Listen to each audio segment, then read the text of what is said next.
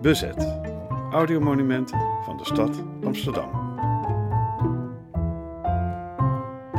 Een kunstenaar waar het niet erg mee wou lukken. Hij heeft verschillende paden bewandeld. Hij heeft geschilderd, hij heeft dingen ontworpen. eh, hij heeft boeken geschreven, misschien daar nog een meest succes mee gehad. En toen het oorlog werd, toen kwamen al zijn talenten extreem goed eh, tot uiting. Want hij kon heel goed tekenen. En, en het lijkt wel, maar misschien is het wel mijn interpretatie, dat hij toen tot bloei is gekomen op een of andere manier. En daarvoor was het toch een beetje ja, een armoedzaaier die het hoog in zijn bol had, maar het niet echt waarmaakte. opkomen voor eh, onrecht, medemenselijkheid. Ja, en natuurlijk dapperheid. Hè? Dat, die coming out al in een tijd dat dat zelfs in kunstenaarskringen in Amsterdam nog nou ja, vreemd tegenaan werd gekeken in de jaren 10, 20. Dat hij daar toch al zonder schroom eh, uit de kast kwam, om het maar zo te zeggen. Ja, dat is natuurlijk toch heel opmerkelijk en heel dapper.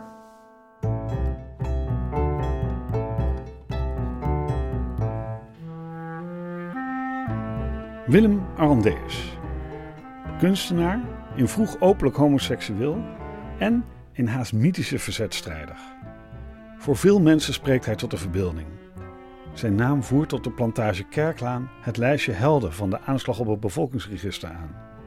Er zijn straten naar hem vernoemd en hij is de naamgever van de jaarlijkse lezing van de provincie Noord-Holland. Maar wie was Willem Arondeus? En wat is zijn nalatenschap? Om daarachter te komen ga ik op stap in Amsterdam, de stad waar Willem Arondeus het langst woonde. Ik begin mijn reis in het Ouder- en Kindcentrum aan het Magelhaansplein in Amsterdam-West. Daar ontmoet ik historicus Marco Entrop. Hij schreef al in 1993 een boekje over Arondeus en promoveert op dit moment op zijn biografie. Hij is eh, een leerling van de Quilineschool in Amsterdam. Hij is opgeleid tot decoratief schilder, dus hij maakt altijd decoraties. Dat zie je ook dat hij een beetje in het symbolisme nog een uitvloeisel van het symbolisme of het Art Nouveau of de Jugendstil. Maar hij heeft wel een hele eigen stijl. En eh, dit werk is in 1932 voltooid. En het is het laatste kunstwerk wat Arondeus heeft gemaakt voor het openbaar. Omdat hij na dit kunstwerk gestopt is met de beeldende kunst. Hij keerde de kunst radicaal de rug toe en vertrok uit Amsterdam naar de Veluwe. En waarom stopte hij ermee? Hij kreeg geen opdrachten meer. Hij eh, had heel veel moeite met de kunst en hij wilde eigenlijk schrijver worden. Opmerkelijke carrière switch, zullen we zeggen. Arnold deze was een man die eh, ja, impulsief reageerde en kon dus echt radicaal stoppen met ik hou er nu mee op en ik ga ook, ook meteen weg uit Amsterdam. Dus alles achter zich latend. Dat zal later ook een tijd, als hij de oorlog aanbreekt, zijn houding zijn.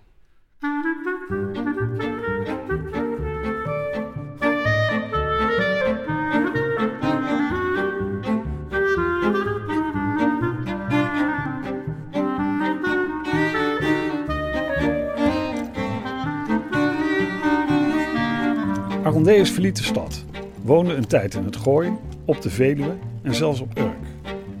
Hoewel Arondeus hard zijn best deed een gevierd dichter en schrijver te worden, was rondkomen toch lastig, al helemaal in de provincie. Dus keerde hij in de loop van de jaren 30 met zijn toenmalige vriend de groenteboer Gerrit-Jan Thijssen terug naar de hoofdstad. Met Marco Entrop fiets ik van Amsterdam-West naar het laatste officiële woonadres van Arondeus, aan Singel 65. Willem Arondeus woonde hier vanaf oktober 1939. Het was in dit huis dat hij met zijn verzetsactiviteiten begon. In 1941 eh, begon Arondeus een, min of meer zijn eerste verzetsactiviteiten. Jan Thijssen, zijn, zijn vriend, stuurde hij hier vandaan weg, terug naar de Veluwe. Die, eh, dat zou te gevaarlijk voor hem zijn, want hij was hier niet altijd eh, aanwezig. Als het goed is, heeft hij hier zijn eerste brandarisbrieven geschreven. In 1942, maar misschien ook al eerder, maar er zijn niet eerdere brieven teruggevonden dan in 1942. Die brandarisbrieven waren pamfletten die sterk van leer trokken tegen de bezetter. En dan vooral tegen de dreigende bemoeienis van de nazi's met de kunsten. Arondeus schreef en drukte ze zelf en ze werden via via verspreid. Marco leest voor het huis waar de brieven geschreven werden een fragment voor. Leugen, gewetensdwang en vrijheidsberoving. Daarop rust het nationaal socialisme. Daartegen moeten wij ons tot het uiterste verweren. De dag der bevrijding tegemoet. En de vormen van dit verweer zijn boycott, geestelijke sabotage en leidelijk verzet. Het maakt elk geweld machteloos. Houdt u daarom buiten alle medewerking. Beantwoord geen enkele aanvragen. Aanvaard geen enkele opdracht. Boycott alles wat van de nazi's komt of met de nazi's meedoet. Cultuurkamer en cultuurraad. Alles, alles. Leugen en dwang winnen het niet. De krachten die zich in de wereld daartegen verzameld hebben, groeien steeds en zullen weldra oppermachtig zijn. Onze toekomst is de vrijheid. De toekomst der naties is de ondergang. Weg met hem. Uit ons volk, uit onze cultuur, uit onze arbeid. De bezetter stelde in 1942 tekenen voor de cultuurkamer in als voorwaarde om als kunstenaar te kunnen werken. Uiteraard tekende Arondeus zelf ook niet. En dat was niet zonder problemen, want hij verloor hiermee het laatste beetje inkomen dat hij had. Gelukkig bood het Kunstenaarsverzetfonds van beeldhouwer Gerrit van der Veen enige steun. In 1942 is het pas echt losgegaan toen hij Gerrit van Veen, Sandberg en grote mensen leerde kennen van het verzet. En betrokken raakte bij de uh, vervalsen van persoonsbewijzen. Ja, dat was zijn hoofdactiviteit. Dat was toen zijn hoofdactiviteit, ja. ja, hij, ja als kunstenaar, hij kon goed tekenen. Dus uh, hij kon heel goed dingen namaken. Dus hij was de, juiste man op de juiste plek. De persoonsbewijzencentrale van Gerrit van der Veen vervalste persoonsbewijzen voor verzetsmensen en ondergedoken Joden.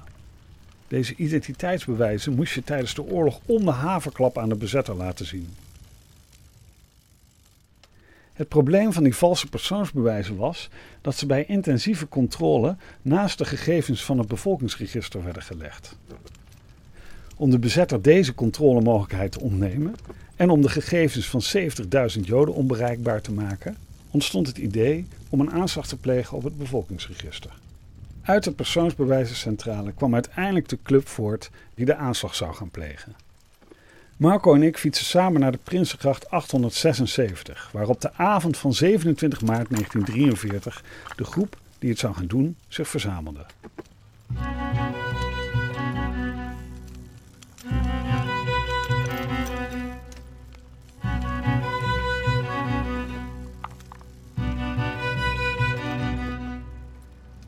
Prinsengracht nummer 876 was het uitvalsadres van de overvalploeg.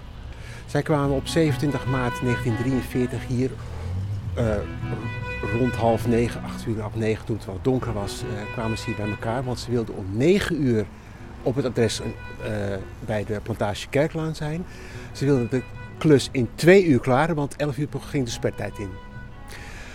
Op dit adres, uh, Prinsgracht 876, woonden kennissen van Gerrit-Jan van der Veen. Dus dat was een safe adres.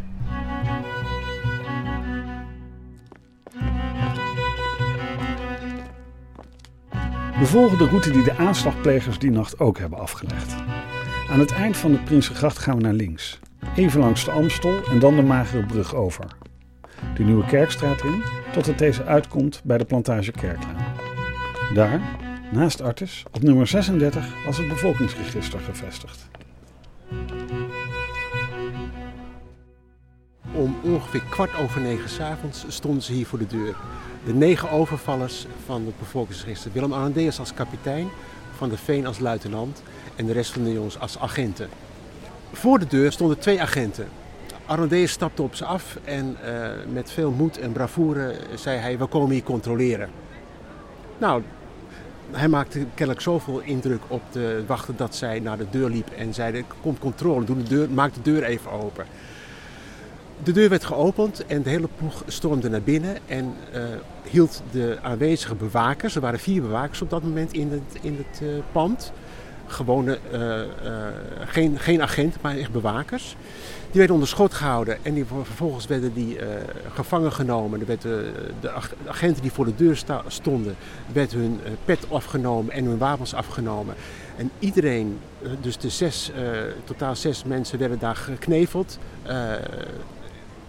vastgebonden, uh, bepleisterd over de mond en kregen een, een, een, een, injectie met verdovend middel, zodat ze zouden gaan slapen. Uh, dat ging al snel, vrij snel in werking. Toen hebben ze die uh, vier mannen in de hoek gelegd. Later werden ze in de tuin van Artes neergelegd, waar ik nu met Marco zit. Eenmaal binnen in het archief moesten de aanslagplegers meteen keihard aan het werk. Archiefkasten waar persoonskaarten in zaten werden op de grond gelegd en van overal uit het pand werden boeken en ordners met informatie naar de centrale ruimte gebracht. Ze werden besprenkeld met het ontvlambare goedje benzol en er werden explosieven aangebracht. Er was haast, want ze hadden nog maar een uur voordat de nieuwe bewaking zou komen. Om tien uur meldde de aflossing zich inderdaad.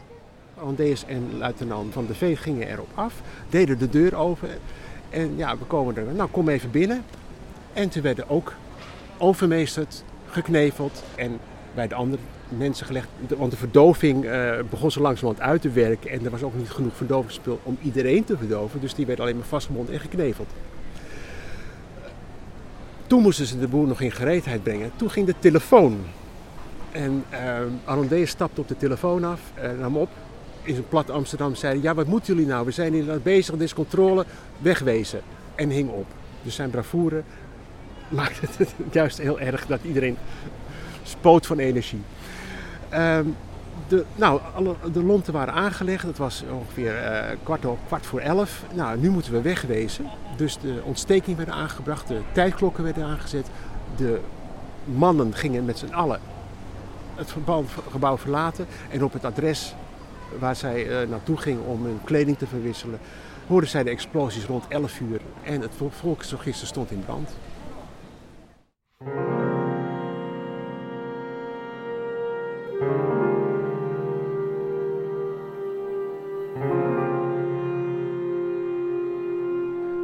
Vanuit de Prinsengracht 1009, waar ze zich omkleden, ging iedereen zijns weegs. Willem Arondeus dook eerst onder op de Van Breestraat 124 en daarna aan de Courbetstraat 4 bij de familie van der Mas Pakler. Daar werd Arondeus al op 1 april van zijn bed gelicht. Ook de anderen werden snel opgepakt, al wist Gerrit van der Veen lang te ontkomen. Wie de aanslagplegers verraden heeft, is nog altijd onderdeel van discussie. Arondeus speelt in een van de theorieën een rol. De namen van de aanslagplegers zouden bij hem thuis in een telefoonboekje gestaan hebben. Maar anderen betwijfelen dit en vragen zich af of iemand zomaar een lijstje van aanslagplegers ergens achter zou laten.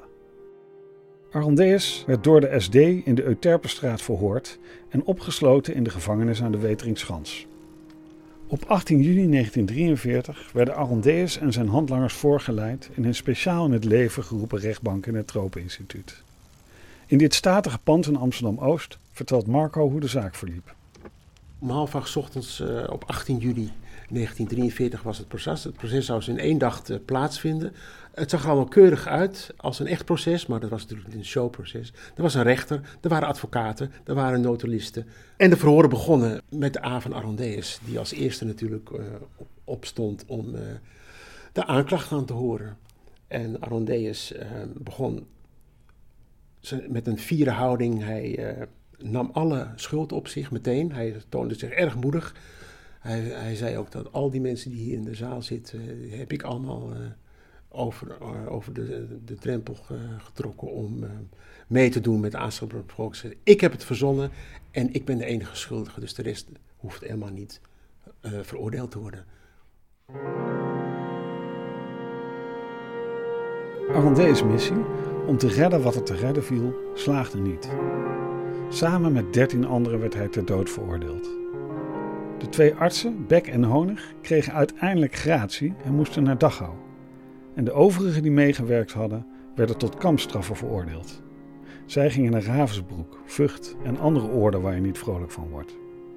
In de gevangenis aan de Weteringschans werd een aparte dodencel ingericht, waar ze samen hun laatste dagen doorbrachten. Ze mochten wat bezoek ontvangen en zelfs een laatste wens doen. Arondeus, zoete kou als hij was, had wel een hele bijzondere laatste wens.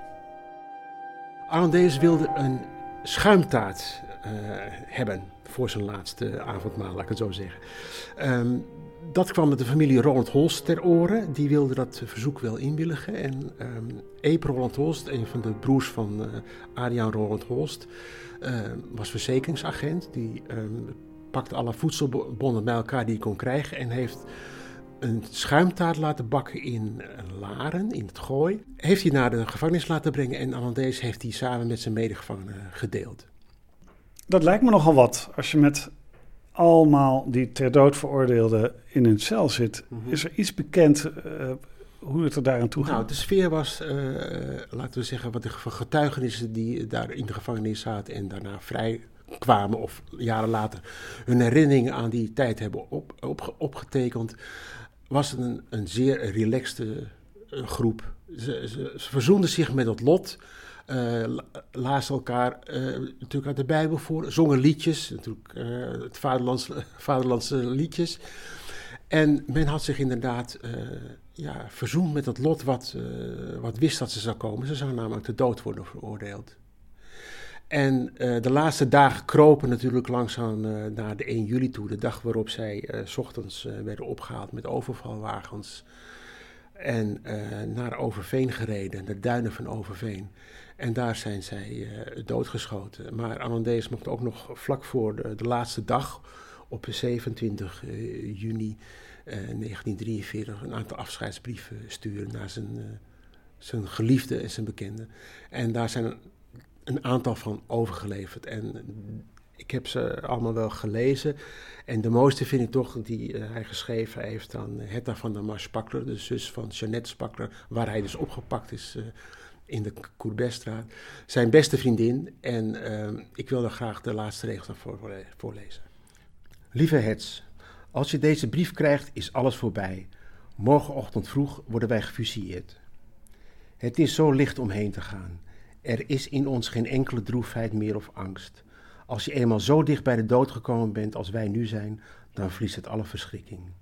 Er is alleen maar verwondering omdat het zo licht is, om in liefde van het leven te scheiden. Zo blij is om wat je achterlaat zonder bitterheid te kunnen gedenken.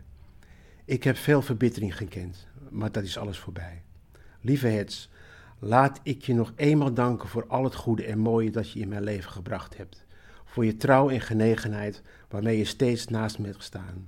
Het is goed en mooi geweest.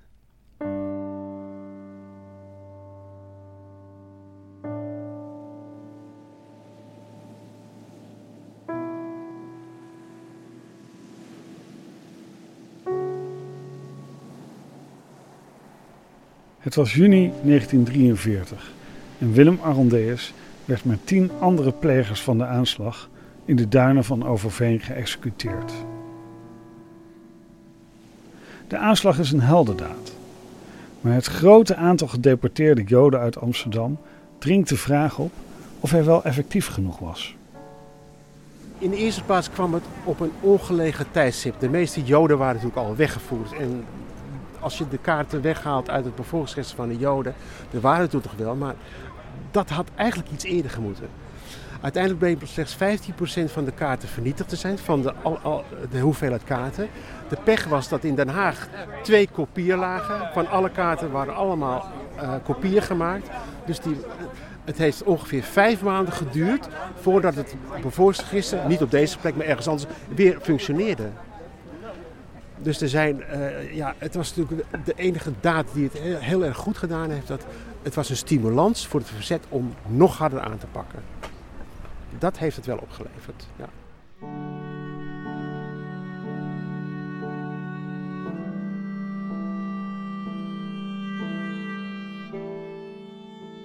Effectief of niet, de aanslag spreekt nog altijd tot de verbeelding. Gerrit van der Veen werd vrijwel meteen na de oorlog gelauwerd, maar bij Arondeus duurde dat wat langer. Om een beeld te krijgen van wat precies zijn nalatenschap is, heb ik met Meino Schraal, een andere Arondeus-kenner en een van de initiatiefnemers van de Arondeus-lezing, afgesproken bij Tonko en Josine Arondeus. Hun vader was een neefje van Willem. De tak van Josien en Tonko Arondeus woont nog altijd in het pand waar hun ouders een bedrijf in de verhuur van toneelkleding hadden. Willem kwam hier ook wel over de vloer. Josine en Tonko vertellen wanneer zij hoorden van het heroïsche verzetsverleden van hun oudoom.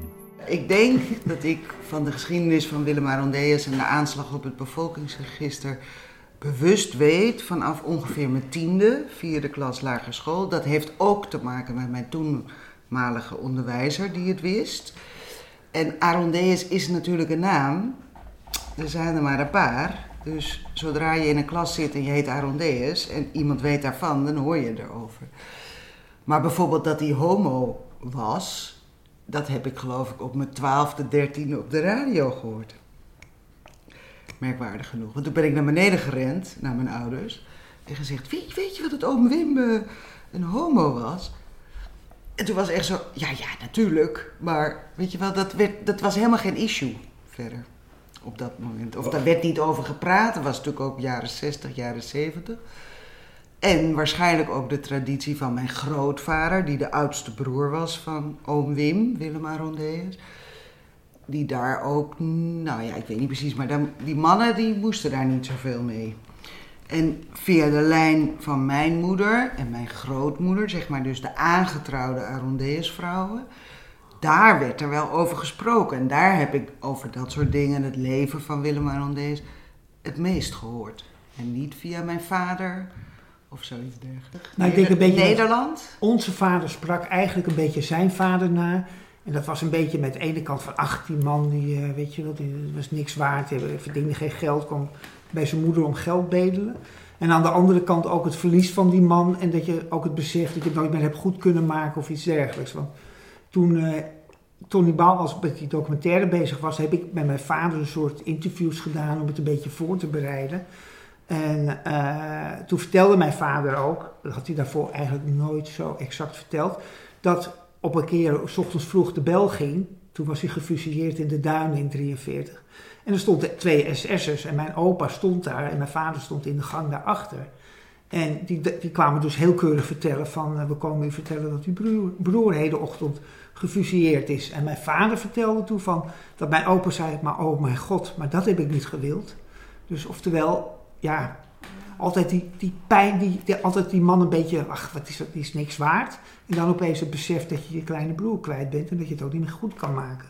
En mijn vader heeft nooit emotioneel hierover verteld, maar toen we een keer hier zaten in de kamer daar, als, ik als interviewer uh, net als of zo, dat hij dat vertelde, toen schoot mijn vader ook vol, weet je wel. Dus mijn vader zat altijd een beetje in de echo van zijn vader, die heel dominant was. Dus toen wij opgroeiden, we hebben wel dat verhaal gehoord, maar er werd altijd bij gezegd, ja, het was allemaal heel amateuristisch, stelde niet zoveel voor. Beetje onder die... En pas toen later, echt door onze geschiedenisleraar, die daar een andere kijk op hadden, dat ik ook dacht, hè. En toen later, toen Tony Bouwmans uh, die documentaire maakte, dat ik eigenlijk toen pas voor het eerst het verhaal goed hoorde. De documentaire van Tony Bouwmans.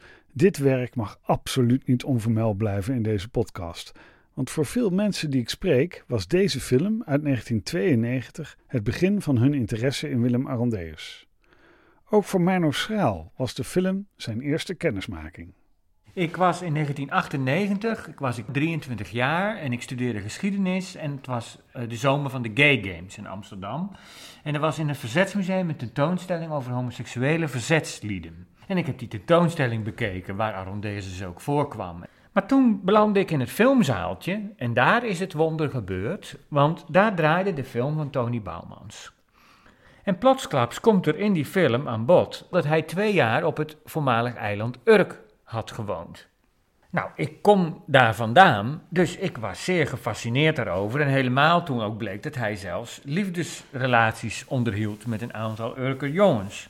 En ik snelde na afloop naar het boekwinkeltje van het Verzetsmuseum om het handzame boekje Onbekwaam in het compromis Willem Arondeus, kunstenaar en verzetstrijder van Marco Entrop te kopen, dat op dat moment het enige boekje was wat over Arondeus beschreven was. Ik kocht dat boekje en ik bladerde daarin voordat ik nog buiten stond en ik sla open. Op bladzijde 24 staat een foto van Willem Arondeus voor Hotel Café De Verwachting aan de haven van Urk, Pinksteren 1927. Nou, toen schoot mijn gemoed vol, want café, hotel, restaurant De Verwachting was de zaak van mijn overgroot en mijn grootouders. Dus ik ging naar Urk toe en ik ging bij mijn oma langs. Maar mijn oma is, was in 1921 geboren, dus die kan Arondeus zelf natuurlijk niet meer gekend of gezien hebben. Maar toen woonde hij dus op Urk in dat jaar ook. Dus ik vertelde erover of mijn oma daar iets van wist. Ja, nou ja, allemaal heel vaag. Maar mijn overgrootmoeder, die was in 1985 overleden. Ja, die bestierde die zaak in de tijd dat Arondeus dus op Urk rondliep. En ik heb natuurlijk eh, bij die vrouw menig keren op schoot gezeten. Dus toen kwam Arondeus wel heel dichtbij. Dus ik ben eigenlijk tien jaar te laat geboren, want dan had ik het aan mijn overgrootmoeder de foto's kunnen laten zien van herinner je deze man nog en vertel daar eens iets meer over.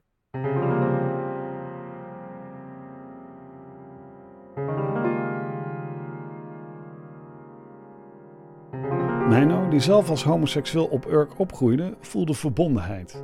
En toen hij in 2003 statenlid werd in de provincie Noord-Holland, kruiste Arondeus opnieuw zijn pad. In de Statenzaal stuitte hij namelijk op Arondeus' grootste kunstopdracht. De wandtapijten, of gobelins, die hij tussen 1930 en 32 maakte voor de provincie. Negen grote doeken, met daarop de wapens van de negen grootste gemeenten van Noord-Holland. Toen zag ik dat als een soort van goddelijk teken, als het ware. Ik moet iets met deze man. Want ik was er natuurlijk wel achter gekomen dat zijn kameraad tijdens de aanslag, Gerrit van der Veen, dat hij vrij snel na de bevrijding al een straat naar zich vernoemd kreeg in Amsterdam Zuid en een school. En nou ja, die man werd, eh, daar zijn boekjes over verschenen en die werd enorm bewonderd door al zijn minnaressen. En Willem Arondeus, ja, ja, dat was dan net een paar jaar daarvoor een klein boekje dus van Marco Entrop en de documentaire van Tony Bouwmans en daar hield het mee op. En toen eh, dacht ik van, er moet vanuit de provincie Noord-Holland iets gebeuren waar we Arondeus mee eren. Die man die moet uit de schaduw komen, die moet in de spotlights. Dat was mijn doel. Daar ging het mij om. Dat vond ik heel belangrijk. Dat was ook vanuit een emancipatoire aspect natuurlijk. Toen ben ik gaan praten met een collega statenlid, Klaas Breunissen van GroenLinks. En ik zat zelf in de Staten voor het CDA. Dus twee, twee spectrums van het toenmalige politieke toneel, die elkaar vonden op het doel: wij willen Willem Arondeus in de spotlight zetten. Hij heeft een duidelijke relatie met de provincie Noord-Holland. Die gobelins die hangen in onze statenzaal. Wij moeten iets ter ere van die man en daar gaan we iets voor bedenken. En toen zijn we met de conservator van het paviljoen Welgelegen, het provinciehuis, die heel veel wist over de kunstenaarschap van Willem Arondeus, zijn we om de tafel gaan zitten. We hebben bijvoorbeeld gedacht aan een prijs, waarbij dan jong Noord-Hollands talent een kunstprijs naar hem vernoemd zou krijgen. En toen kwam Gerrit Bos, de toenmalige conservator, op het idee: doe nou een lezing. Want dan heb je namelijk en dat het elk jaar ook terugkomt, maar ook dat je de bevolking van Noord-Holland kunt uitnodigen om bij die lezing aanwezig te zijn. En dan kun je elk jaar een bekende persoon vragen uit de wereld van kunst, cultuur, uh, wetenschap, uh, literatuur, religie, levensbeschouwing, om die lezing te geven.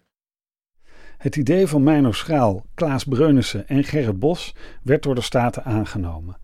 En in 2005 hield choreograaf Rudy van Danzig, die net een boek over Arondeus geschreven had, de eerste lezing. Aanvankelijk hadden we wel het idee dat de lezing te maken zou hebben met de thematiek van vrijheid, democratie, grondrechten, en uh, nou, de eerste sprekers die, die deden dat ook uh, vrij nauwgezet. Mensen als Rudy van Danzig, dus Monseigneur Beer, uh, Gerard Spong, Dejanne van Brederode. Op een gegeven moment is dat wat ruimer van opzet geworden, waarbij sprekers dus wat meer de ruimte kregen om dus zelf een thematiek te kiezen die, die, ja, die, die volgens hun dan raakvlakken had met uh, daar, daar waar Arondeus voor stond. Maar dat is wel een ontwikkeling geweest in de loop der jaren, waarbij uiteindelijk dus de spreker volledige vrijheid heeft gekregen om het maar erover te hebben wat hij zelf wil. En dat is natuurlijk gebeurd na uh, het conflict tussen het organisatiecomité en de heer Von der Dunk in 2011. In dat jaar zou Thomas van der Dunk de lezing houden. Hij wilde het taboe op de vergelijking tussen de PVV en het fascisme in de jaren 30 aan de kaak stellen. Deze kwestie deed veel stof opwaaien. De lezing werd gecanceld en Vonder Dunk ging dramatisch voor het provinciehuis staan om hem alsnog uit te spreken. Wat je er ook van vindt, het bezorgde de lezing wel een enorme naamsbekendheid.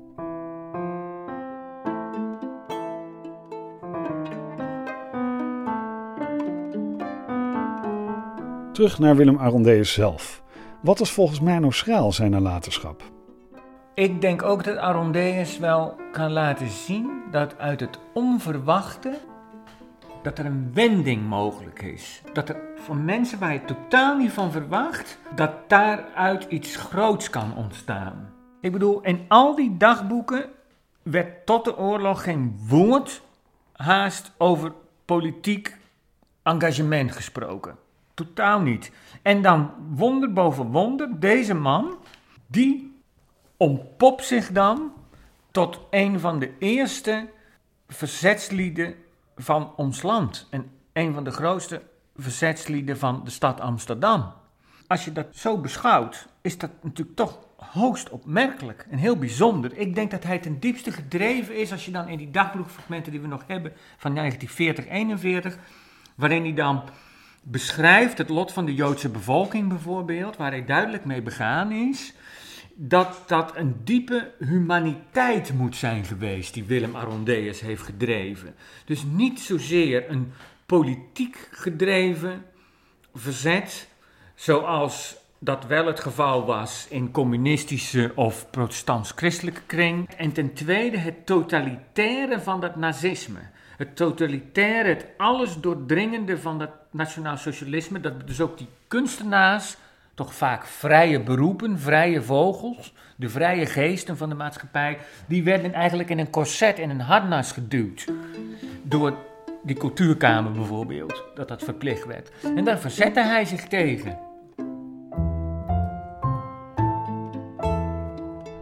Tonko en Josine Arondeus herkennen zich in Meijners verhaal. En ze voegen er iets aan toe. Schroom niet, kom op voor je principes. Zoiets vind ik echt. Want hij is heel duidelijk ook geweest over zijn seksuele geaardheid. Eh, hij is heel duidelijk geweest in opstaan tegen de bezetter. Wat wel of niet kan, hè, dus tegen het fascisme. Ja, nou, dat, dat vind ik wel te bewonderen. Maar dat is ook iets wat, wat voor mij in ieder geval, weet het juist, maar wat we geleerd hebben na de hand van, was veel later. Want dat hebben we dus niet van onze vader of eh, meegekregen, dat het dat was. En pas later, hè, door, die, door Tony Bouwmans en alles, weet je, dat je gewoon weet, ja, het gaat over eh, dapper zijn, jezelf zijn en opkomen tegen het kwaad. Ja. Maar we zijn wel eigenwijs opgevoed. Ja. Echt. Ja. Nou, daar zit ook een bepaald dualisme Ja. in. Heel bescheiden, maar aan de andere kant ook weer heel uitgesproken van. Ja. eh, Als jij dat vindt, dan vind jij dat. ja, En papa zei ook altijd, een Arondeus is iemand die bang is voor niemand. ja. De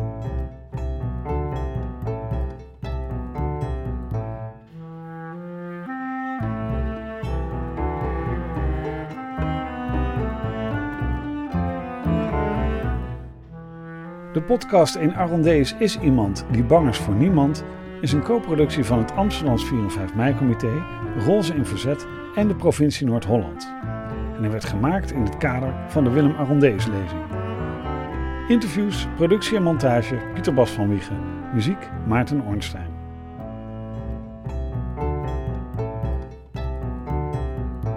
De Willem Arondeus-lezing vindt dit jaar plaats op 21 september om 8 uur in de Sint-Bavelkerk te Haarlem.